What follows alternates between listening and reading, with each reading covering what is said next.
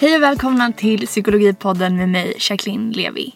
I dagens avsnitt så ska vi tala om doftsinnet och minnen kopplade till dofter. Och till min hjälp så har jag Maria Larsson. Välkommen! Tack så mycket! För de som inte vet, vem är du? Min bakgrund är den att jag har läst psykologi eh, faktiskt här vid Psykologiska institutionen Stockholms universitet. Och sen gick jag vidare i en forskarutbildning på Karolinska institutet. Mm. Där jag eh, fördjupade mig i minnet och minnesfunktioner och hur de förändras över livet. Mm. Eh, och eh, därefter kom jag tillbaka till Stockholms universitet och jag är idag professor här i perception och psykofysik. Just det, och det får du nog förklara vad det är för någonting. Ja, den, den korta historien eh, det är helt enkelt att jag är specialiserad i våra sinnen och sinnesfunktioner och hur de fungerar, påverkar oss, våra upplevelser och också väldigt mycket hur våra sinnesupplever, sinnesupplevelser eh, kan transformeras till att också bli minnesfunktioner eh, eller lagrade minnen. Det är ju sjukt spännande. Ja. och det är just därför som jag jättegärna ville träffa dig. För att få lära mig mer om det här. Men till att börja med så upptäckte jag eh, när jag satt och läste på lite att alltså, du doftar inte med näsan. Nej, det beror på hur du definierar näsan. Men, men eh, alla våra upplevelser för att de ska bli medvetna mm, kräver ju ett nervsystem och kräver en hjärna helt enkelt för att koda av och tolka de sinnesintryck som, som vi har. Så om jag säger att näsa det är den här yttre alltså, ja. jag sitter och klämmer på näsan. um, om man inte skulle ha den fast fortfarande ha två hål in i hjärnan. Ja. Alltså, vad, vad exakt är det som händer när vi uppfattar en doft? Jag tänker att du skulle behöva gå en av mina kurser.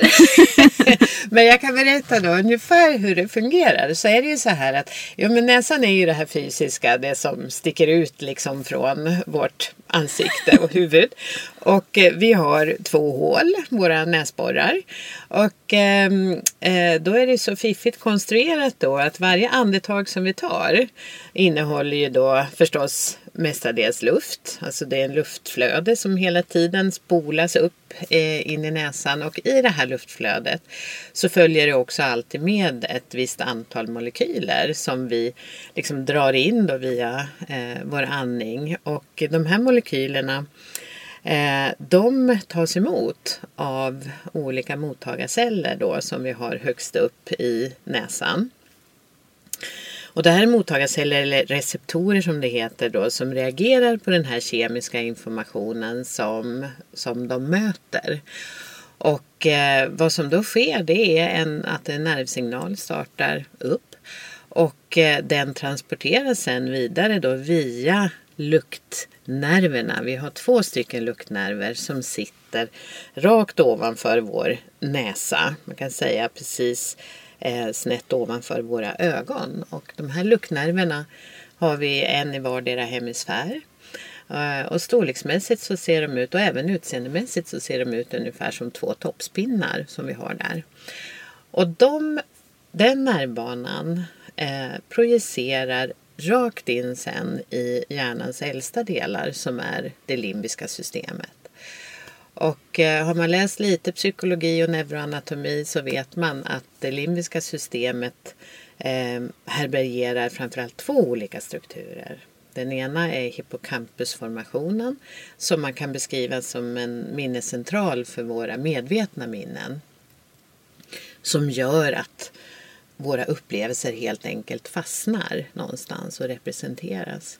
Den andra strukturen som är väldigt viktig i limbiska systemet det är amygdala som är egentligen inte en struktur utan en, en struktur som innehåller flera olika kärnor som ansvarar för våra känslor. Det är alltså vårt känslocentra. Så luktsinnet är unikt genom att det projicerar rakt in på de här strukturerna i limbiska systemet. Vilket gör att när vi uppfattar dofter eh, eller lukter beroende på hur man vill se på det så är det oftast en väldigt rå, osensurerad och känslosam upplevelse. Och det här är ju annorlunda då än våra andra sinnen som syn och hörsel för att när vi tar emot information där så eh, transporteras den eh, sinnesinformationen eller nervsignalerna som man vill egentligen säga då, via först en relästation i hjärnan som är talamusstrukturen. Och den omdirigerar de här intrycken då och sorterar ut den till olika platser i hjärnan. Men det gäller alltså då inte för luktsinnet utan då har du den här direkta projektionsytan. Shit vad coolt. Så är det därför eh, minnen är så starkt kopplade till dofter? Ja, vi tror ju det. Att, alltså det är ju så här att vi, vi kan ju ha starka minnen för kopplade till alla våra sinnen. Eh, om vi tänker på musikupplevelser som vi har haft eller saker som har betytt väldigt mycket för oss som vi har kodat på det visuella planet. Men eh, det finns en unik koppling till eh, luktsinnets eh, förmåga att formera minnen. Och det tror vi har att göra delvis med den här direkta kopplingen. Eh, framförallt också till amygdala därför att våra luktminnen är också ofta väldigt känslosamma eh, och emotionella. Och det är inte sällan som när man har upplevelser eller associationer till doft så upplever man ofta ett visst mått av, av nostalgi också eller någon form av melankoli eller att det är en känsla av att ja, men det här som var eller alltså man, man reagerar väldigt, väldigt emotionellt. Men då ska man komma ihåg också att en del tror vi som också kan ha med den eh, förhöjda upplevelsen att göra det är att sådana här luktminnen egentligen inte är särskilt vanliga. Vi uppfattar ju dofter hela tiden i och med att vi andas. Vi tänker inte på dem eh, för det mesta om det inte är någonting som verkligen sticker ut mm. och är oväntat så.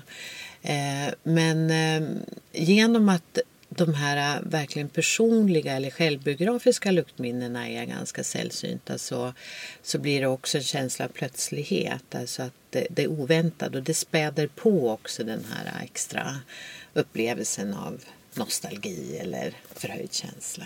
Ja, alltså jag hade en sån upplevelse bara oh, någon vecka sedan. Eh, och då så var jag med min pappa för att köpa någonting. Eh, och då så hade han bara spridit på sig någon parfym. Och sen så när vi kramades hej då så fastnade liksom den parfymen på mig. Och då så kom jag ihåg, alltså då fick jag jättestarka koppling till min första pojkvän som är så här skitlänge sedan. Mm. Och det var så sjukt hur det bara kunde komma så här, ja. det kommer så starkt. Ja, och var, var det en positiv eller var det en negativ känsla? Vågar jag säga det här? Nej, jag skojar. Eh, det var... Nej, men det var nog en positiv känsla. Det var inte egentligen kopplat till ett specifikt minne utan det var mer att han dök upp i mina ja. tankar på något sätt. Ja. Och så där funkar ju dofter. Mm. Att ibland så är det ju så att man verkligen får ett, ett riktigt tydligt distinkt minne. Att man verkligen placerar sig själv på en annan plats och man kan se eh, tydligt den visuella informationen, hur någonting såg ut. Man kan ibland också till och med höra röster liksom från personer som, som var närvarande där. Men, men väldigt ofta också så hamnar vi mer i den här flytande känslan av någonting som är förflutet och, och, och, som, som ja, du beskriver det ganska bra. Att det var helt plötsligt han som kom tillbaka men inte något specifikt tillfälle. Mm. Och det händer väldigt ofta med dofter och det där är ju ganska bra exempel också då på hur, hur du någon gång i ditt liv så har du ju kodat in den här informationen för det var en del av, av, av ditt liv och din vardag och samvaron med, med den här pojkvännen.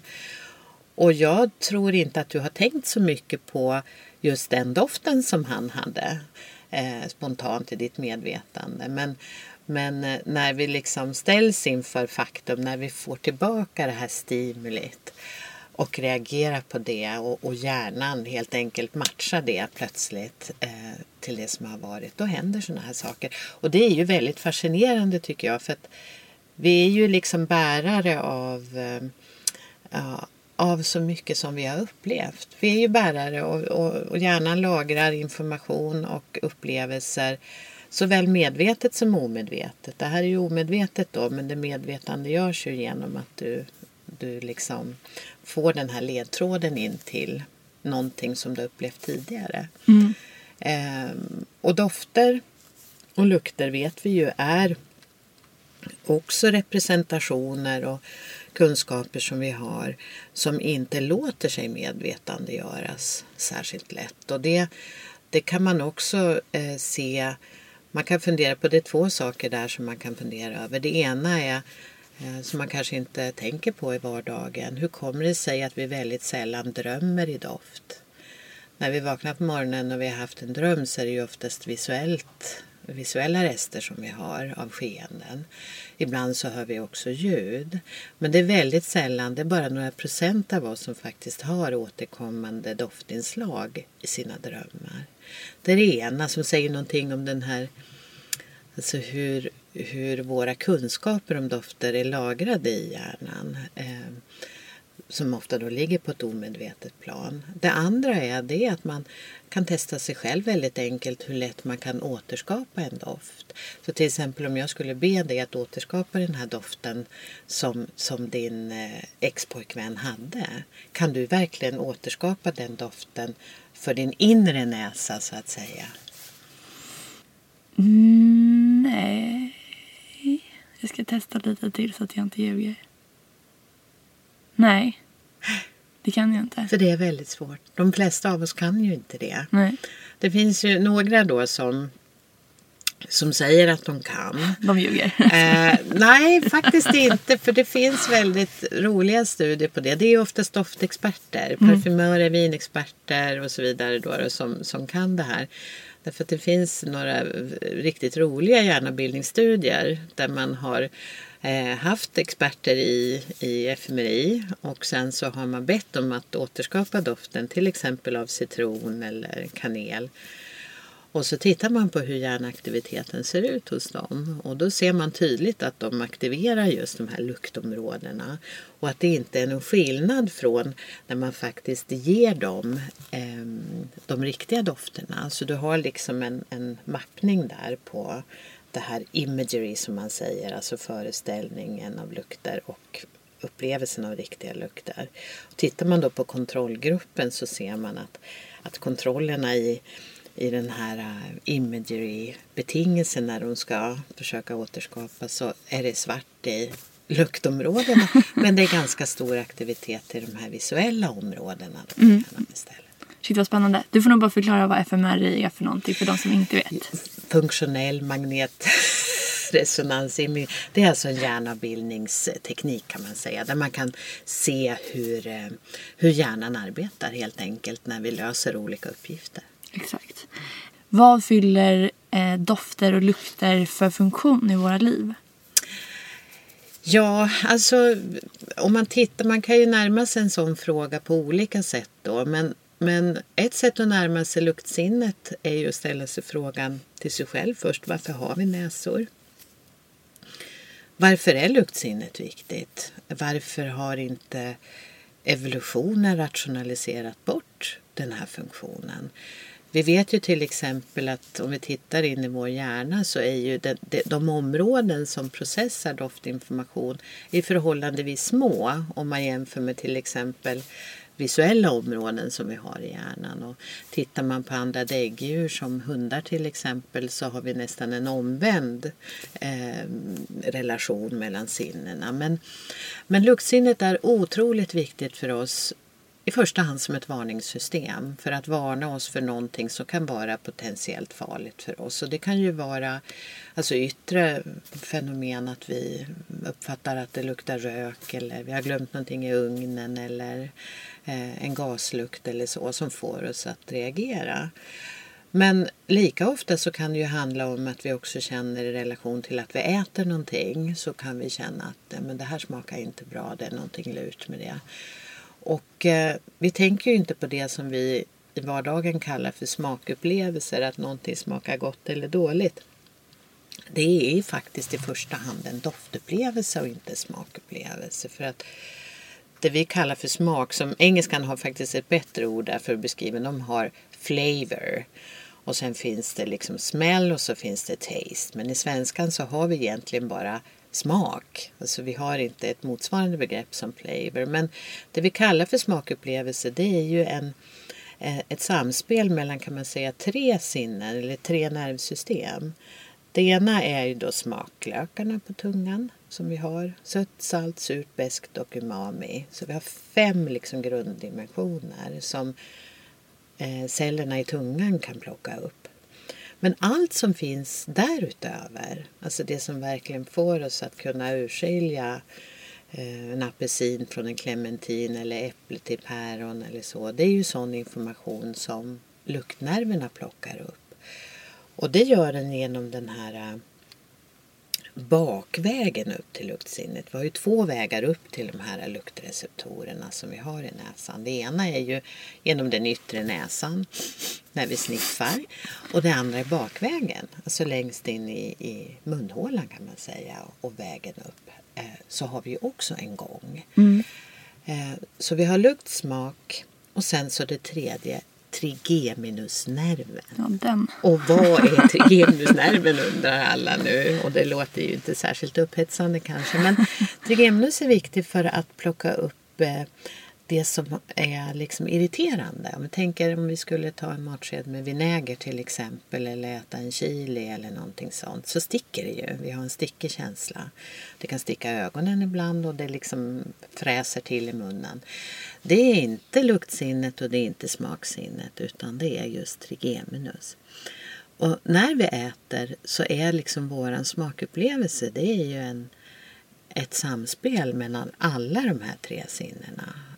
Och, men där man eh, helt klart kan säga att luktsinnet står för den största delen av upplevelsen. Så om man förlorar sitt luktsinne, betyder det att man kan sluta känna smak då? Nej, du känner smak. Du känner sött, salt, surt, beskt och umami. De här fem grunddimensionerna. Och sen så har du kvar också den här stickiga upplevelsen av det som är irritanter då. Men allt annat är borta. Om du är helt luktblind vill säga. Så det, det, man vet också, de flesta av oss har ju någon gång varit väldigt förkylda när vi är helt igen stoppade i näsan och vi inte har det här luftflödet som når upp eller de här molekylerna kan inte nå upp till de här mottagarcellerna. Och då får man en ganska bra bild av hur det är att leva som en luktblind person. Heter det luktblind? Ja, luktblind säger vi i vardagligt tal. Sen finns det ett finare ord och det är att man är anosmiker. Anosmiker? Ja, anosmiker, då har man förlorat sin, sin förmåga att, att uppfatta doft.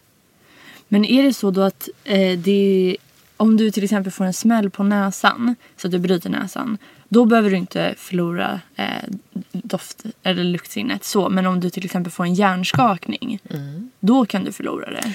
Ja, det är så olika. Det är så svårt att säga. Liksom, för att får man ett skalltrauma eller ett slag mot, mot huvudet frontalt eller du, du får det liksom alltså framifrån. framifrån eller bakifrån. Eh, så, så kan det ge så väldigt stora skador och ibland inte. Det går liksom inte att förutsäga. Men vad som händer när man får en hjärnskakning det är ju att då rör sig skallbenet.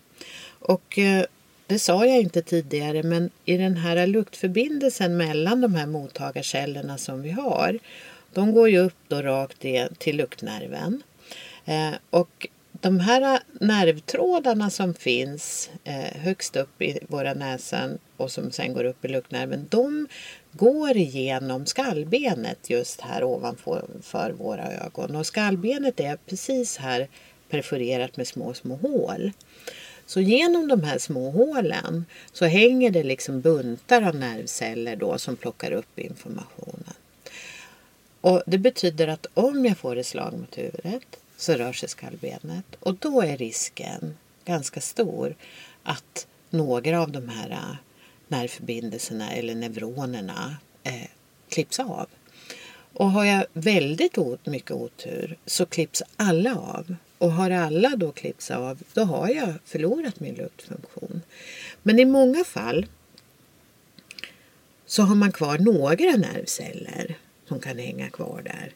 Och då vet vi idag, för att de här nervcellerna är också lite udda, för att de nybildar sig och återbildar sig. Eh, och de gör det ungefär med en intervall på 30 till 40 dagar. Och eh, om man då visar ny forskning eh, tränar, alltså exponerar sin näsa och sina nervceller för luktinformation eh, ganska rejält dagligdags så kan man också se att man kan stimulera den här nervcellsnybildningen. Eh, så därför har man idag utvecklat, i Tyskland framför allt, där man har gjort jättemånga fina studier på det här, utvecklat doftträningsprogram för att stimulera den här tillbakabildningen. Då. Sen verkar det vara så att en sån här träning då av, av näsan, den är mest effektiv för folk då som, eller personer som har en restfunktion kvar, alltså att du kan känna någonting. Men är du helt doftblind så, så är det svårare. Det visar ju på hur plastisk alltså, ja. hjärnan är. Ja, det är verkligen. Och länge var det ju så att man trodde att, att luktsinnet var faktiskt de, den, de enda typen av nervceller som kunde nybilda sig. Eh, som man använde inom neurobiologin så hade man liksom luktsinnet som ett modellsystem för regeneration som det heter eller nybildning av. Men nu vet vi ju sedan ett antal år att det finns ju flera områden i hjärnan som har en regenerativ process som man säger med finare ord. Då, då. Till exempel hippocampusområdet då, då som, som har en liknande eh, regenerativ process då mm. igång. Mm. Men uppfattar vi dofter likadant? Du menar mellan olika, mm, alltså du och jag till exempel, ja. eller mellan olika men Ja, det är också en liten nätt fråga. jag skulle säga så här, man kan ju också, det finns olika ingångar där. Nej, det gör vi inte. Om du menar att uppfatta dofter, om vi tycker om dem eller inte, eller hur stark eller svag den är och så vidare. Vi vet att det finns eh, individuella variationer eh, beroende på ålder. Ju äldre vi blir desto trubbigare näsor får vi.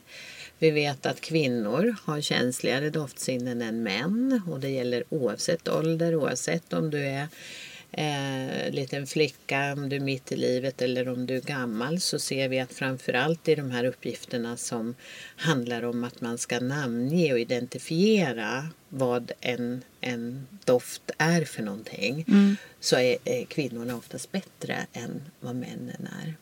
Sen finns det en rad andra faktorer som, som spelar in då, bland annat din hälsa förstås. Eh, och om du har allergier och ofta har svullna slemhinnor och sånt där. Men sen är det ju också så att det finns ju också en kulturell variation i, om vi ska prata om dofter i termer av vad vi tycker luktar gott och vad vi tycker luktar illa. Eh, och eh, där vet vi ju nu att det, det, har ju funnits mycket tankar kring det här att är det så att vi kan vara förprogrammerade på något vis att tycka att vissa typer av, av ämnen är eh, äckliga eller motbjudande. Och är det så att den upplevelsen är universell, alltså att den gäller i alla kulturer. Och den typen av forskning har väl kommit fram till ungefär att nej. Utan eh, man kan säga att våra, precis som systemet rent neurologiskt är väldigt plastiskt så är också våra preferenser för lukt, vad vi tycker luktar gott och illa, också väldigt plastiska. Därför att eh, det modelleras väldigt mycket också utifrån den kultur som vi vistas i och hur vi möter dofter. Eh, jag brukar ju ta, eh, vi har ju våran surströmming som ett väldigt bra exempel där att personer som har, har eh, haft en erfarenhet av surströmming eh, tycker ju oftast att det luktar väldigt gott. Och tycker också att det smakar väldigt gott. Nej. Jo, jag tillhör den gruppen så det kan jag. Jag är bevis för detta. Nej men så är det. Och, eh, och människor då som inte har mött det här de tycker ju att det är så avskyvärt så att det, det, är obeskrivligt hemskt. Ja. Och det finns ju andra då liknande eh, exempel från andra delar i världen. I Asien så har vi ju durianfrukten till exempel. Som jag själv inte har testat men ska göra nästa gång jag kommer dit. Eh, och durianfrukten lär ju vara för många i Thailand till exempel en, en delikat frukt som man gärna äter och som man inte alls reagerar nämnvärt på. Eh, doftmässigt eller luktmässigt. Men, men för andra då som är noviser eller som inte har liksom mött den här frukten förut tycker jag att den är absolut outhärdligt äcklig. Mm.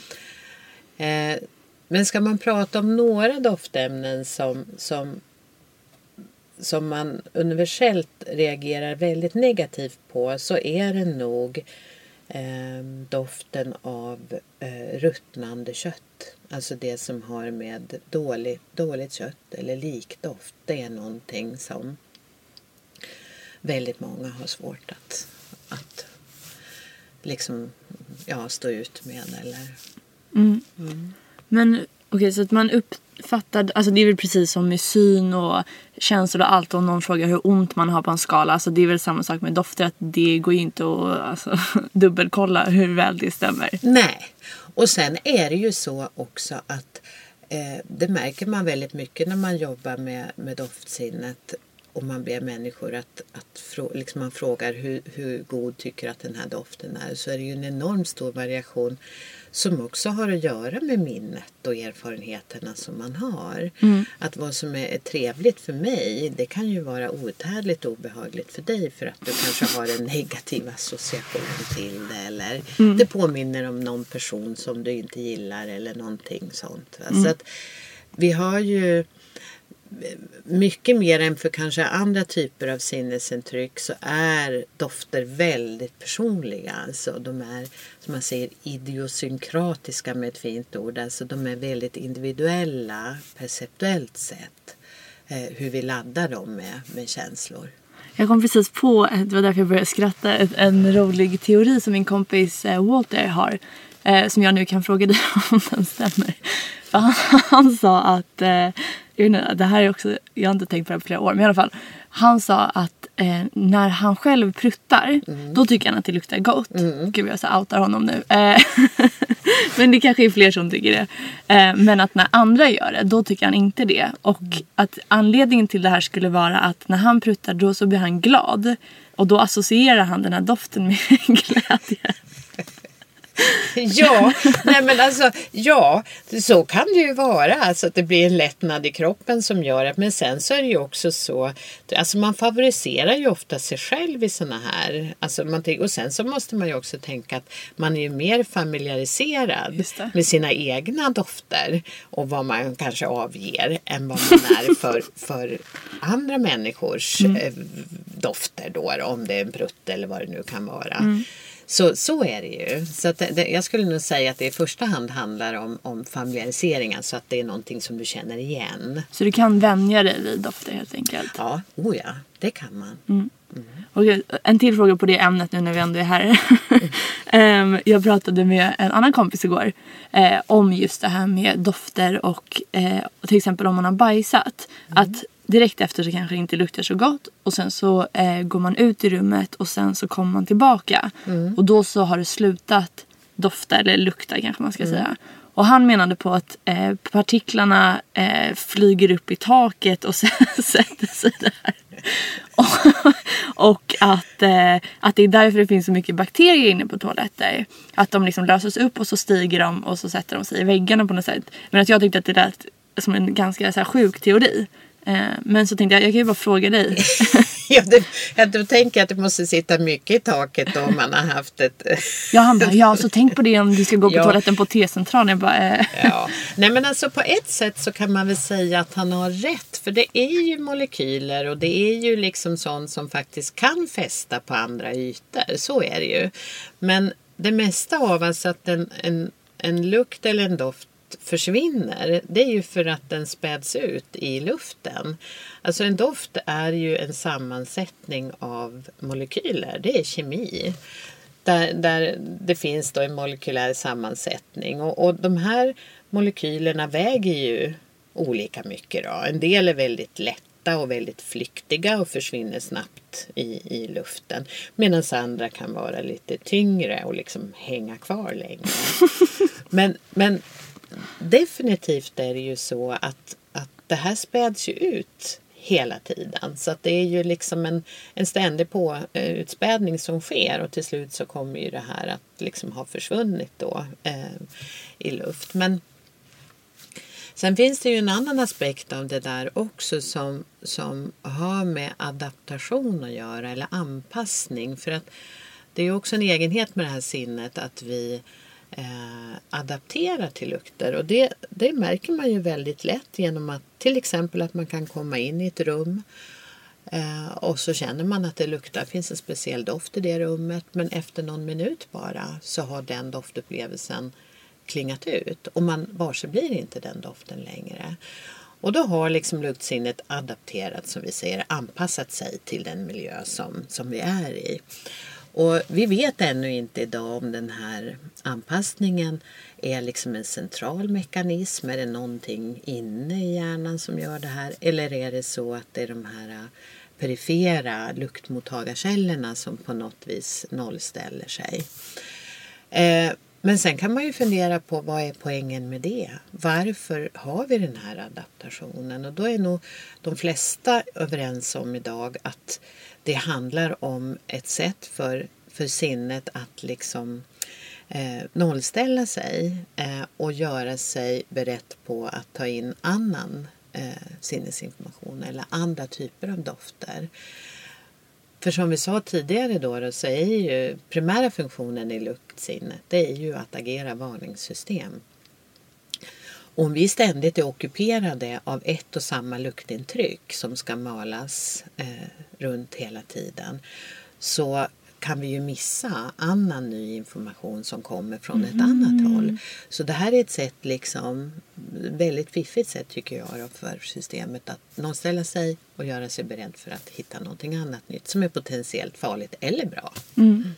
Så det har något evolutionärt värde i det? Ja, absolut. Men på tal om evolutionärt värde, jag kom på en annan sak jag tänkt på. Eh, för doft är ju också väldigt, alltså det är kopplat till fara så, men också till hunger tycker jag. Alltså mm. du känner en doft och så blir du eh, sugen på någonting. Och jag läste någonstans att när man blir gravid då är det just att eh, doftsinnet blir förhöjt på något sätt och det är därför du blir hungrigare. Och mm. eh, obviously att du har en bebis i magen som behöver mer mat. Ja, det där med graviditet och förändringar i lukt och smaksinnet det är ju en jätteintressant fråga tycker jag. Och vi håller för närvarande faktiskt på att försöka ställa samman all den forskning som finns på graviditet och lukt och smak för att se vad, vad är det som gäller. För att när man tittar idag på kunskapsfältet så är det väldigt olika resultat i olika studier. Eh, där en del visar då på luktförändringar men många andra inte kan påvisa det.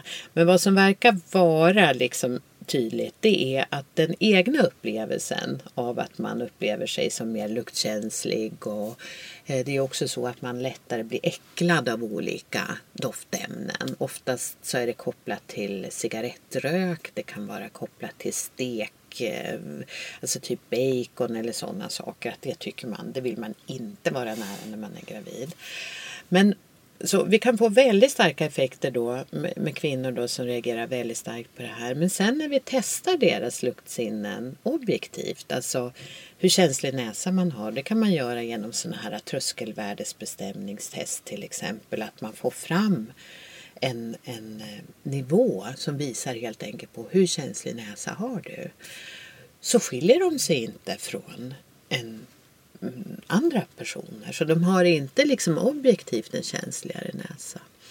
Så det verkar som att den här upplevelsen, för den finns ju och är ju verklig, den liksom mappar inte på den här objektiva delen då.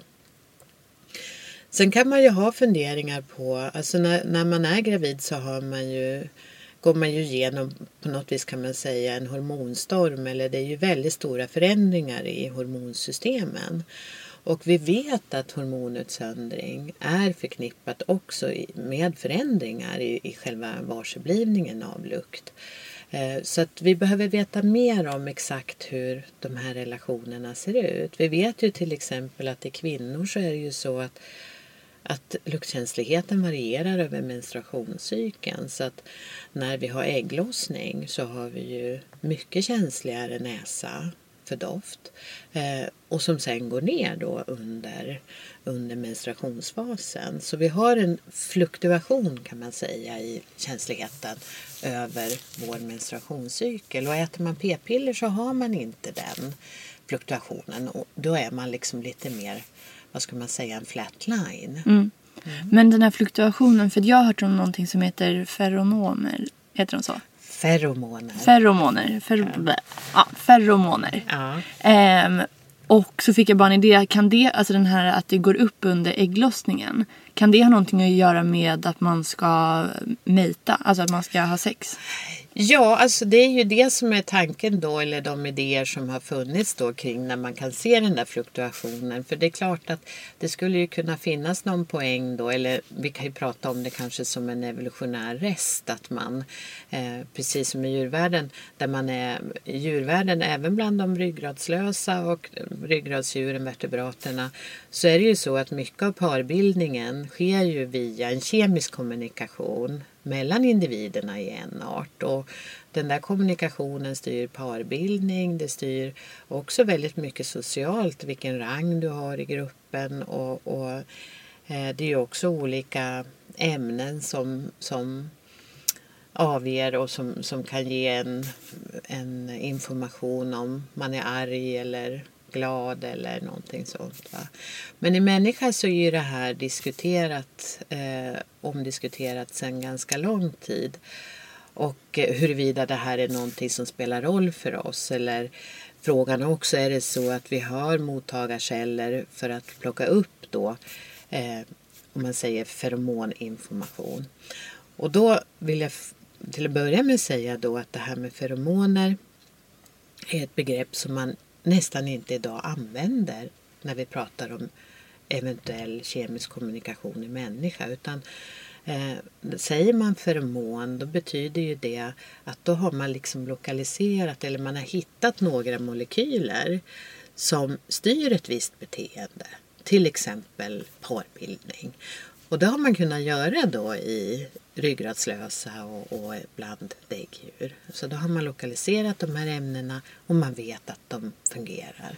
Men i människan så har vi inte hittat ett enda, om vi nu ska kalla det för feromon. Mm -hmm. Så därför är det där ett, kan man säga, ett, ett begrepp som man har använt sig av väldigt slarvigt. Det betyder ju inte att vi inte kan bli påverkade av olika typer av kemisk information sinsemellan. Men vi har inte kunnat lokalisera några ämnen direkt och vi har också haft väldigt svårt att se att vissa ämnen eventuellt skulle kunna påverka vårt beteende eh, i någon riktning. Mm. Gud vad spännande. Jag har lärt mig så mycket idag. Um, vi ska snart runda av men jag måste fråga en grej till som jag lovade min kompis att fråga. Många kompisar idag. Uh, det är faktiskt inte jag som undrar. uh, hon sa, för jag frågade om det var någon som hade några funderingar kring just uh, doftsinnet och minnen specifikt. Och då så sa hon, nu har jag lagt min mobil där ute, men det var typ eh, varje gång jag eh, känner doften av vodka och minns när jag nästan dog. Men sen att hon då dricker igen. Alltså att även fast du har en, en eh, viss association till exempel till alkohol som mm. ju har en väldigt stark doft och smak. Eh, så fortsätter det ju att ja. dricka det till skillnad från kanske annan mat som du inte tycker smakar så himla gott som du slutar äta. Vad är det som gäller där? Ja, nej men alltså det där tycker jag är en jättebra fråga och det är också en sån där eh, studie som jag skulle vilja göra någon gång. För att när jag undervisar om det här så brukar jag när jag ska förklara vad en aversion är, alltså en kemosensorisk aversion. Alltså? Alltså att vi blir illamående eller känner oss väldigt dåliga när, när vi känner smaken eller doften av någonting. Det har ju ofta sin rot i att man kanske har blivit magsjuk på något ämne som man har ätit eller du har druckit för mycket vodka eller någonting annat. Visst Alice. Och ibland så är det så att den här aversionen den kan ju hålla i sig i dekader. Alltså någonting som har gjort dig magsjuk som barn kan ju hänga med långt upp i vuxenlivet och ibland ett helt liv. Verkligen. Och då är det ju varför är det så? Vad är det här? Och det är också en evolutionär rest. För det är någonting som systemet lär sig. Alltså att blir jag sjuk av det här, då ska jag aldrig någonsin mer gå tillbaka och äta det för då kommer jag bli lika sjuk igen. Och det är en princip som gäller i djurvärlden. För då, då är det liksom one trial learning. Alltså att djuret testar det här bra eller inte, är ätligt eller inte. Och blir man sjuk då går man aldrig tillbaka dit. Och vi har kvar den funktionen. Trots att vi egentligen inte behöver den. För att vi har ju en omgivning och en kultur som berättar för oss att det här är ätligt, det här är inte. Sen kan det ju vara så då att man dricker för mycket av någonting. Och då i mina egna små enkäter eller rundfrågningar bland studenter här då, då så visar det sig att det är ju väldigt mycket aversioner som finns kopplade till alkohol. Men mitt intryck är att det är oftast alkoholer som har en väldigt distinkt eh, smak eller lukt som egentligen annan. Det är gin, det kan vara Jägermeister, det kan vara ja, konstiga likörer, eh, amarettos och så. Och har man blivit sjuk på sådana här väldigt distinkta eh, doftämnen eller alkoholer då sitter det mycket lättare kvar än om det är jag menar du sa vodka här. Det är ju en ren, alltså det är ju, det är ju inte en väldigt distinkt smak på det sättet som till exempel Jägermeister. Men vi vet inte varför det är så. Eh, att en del stannar kvar i oss väldigt negativt och andra liksom löses upp med tiden. Så det får du komma tillbaka och berätta om när du har gjort den studien. Ja, det gör jag gärna. Hon kan få vara med i den också så Ja, kan vi ta reda på. Eh, tack så mycket för att du ville vara med. Det här var fett intressant. Ja, tack själv. Jag vill bara säga, vi måste lägga till vart vi sitter för att det här är ju nog den coolaste inspelningsplatsen jag har varit på. Eh, jag vet inte ens hur jag ska förklara vad det är. vi- Vad sitter vi i? En vi bunker? sitter, nej, vi sitter faktiskt i ett ljudlaboratorium som är specialdesignat för att studera ljudupplevelser. Och här är det alltså helt ljudisolerat. Det är i princip helt ekofritt. Eh, och eh, ja, det är ju en speciell upplevelse att vistas här en längre tid. Jag känner nästan att det ehm, inte att det slår i öronen men det är någonting som känns väldigt eh, speciellt. Ja, det är det. Och det är just genom att det är det här lite ekofria. Jag ska också säga att vi är ju på Gösta Ekmans laboratorium på psykologiska institutionen Stockholms universitet. Perfekt poddinspelningsstudio. Tack så jättemycket. Tack så mycket själv. Ha det bra, hejdå allihopa!